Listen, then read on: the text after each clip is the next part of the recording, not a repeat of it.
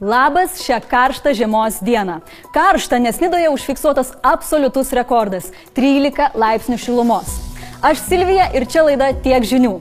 Kad jau klimatas šyla, šiandien nemažai naujienų apie gamtą, jos taršą, sveikatą ir nepotizmą.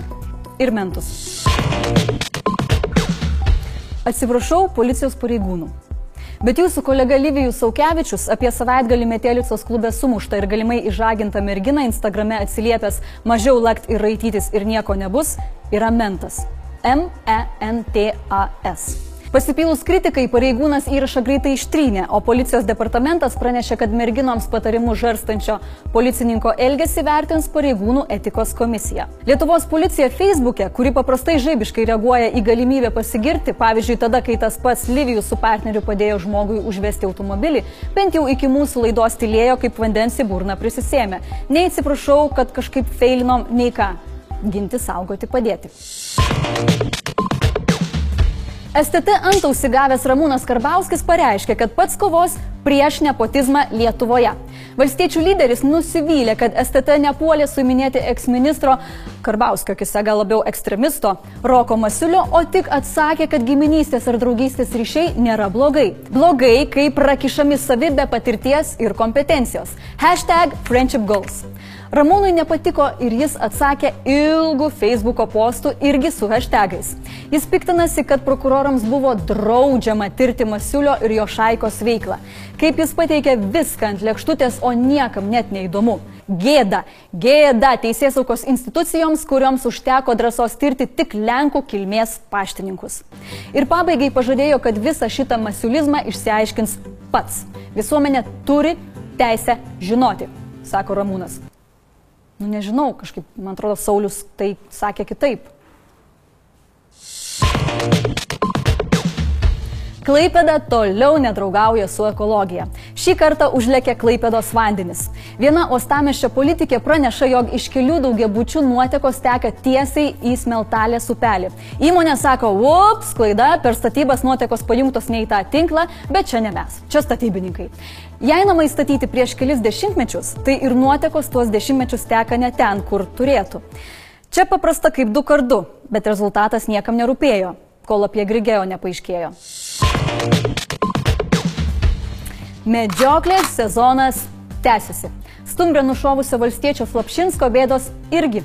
Patvirtinus, kad nugaišęs stumbriukas yra to stumbrės jauniklis, aplinkos saugininkai kreipsis į prokurorus ir galimai valstiečiui bauda trigubės. Užtat aplinkos ministras Mažeika, net ir paviešinus medžioklės dalyvių pavardės, jų vis dar nepažįsta. Bet ministras labai norėjo paviešinti sąrašą. Ruošėsi, norėjo, nu bet nespėjo. Žurnalistai aplenkė. Bet iš sąrašo ministrui Kestučiai pavardės tik kažkur girdėtos. Tai ir tikrai ministrė. Seime jau siūloma įstatymų įpareigoti medžioklės dalyvių sąrašus, bet žinot, daug metų Seimas tvarkingai blokuoja beveik visas medžiotojus ribojančias įstatymų pataisas. Kažin kodėl? Vienas medžiotojų sąjungos vadovas yra juokavęs, kad draugijos suvažiavimai primena ne visuomeninės organizacijos renginius, o Seimo posėdžius. Nesąmonė. Medžioklių lankomumas daug geresnis, ar ne? Koronavirusas yra lygiai viena gera žinia. Vakar naujų susirgymų skaičius Kinijoje nebesiekė 2000 per dieną, bet švęsti anksti, nes visa kita šiaip savo. Nuo viruso mirė Uhano ligoninės direktorius.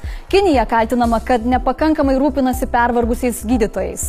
Valdžia atsakė, kad nuo šiol visi nuo koronos mirę medikai bus oficialiai laikomi kankiniais. Korona turi ir kitą poveikį.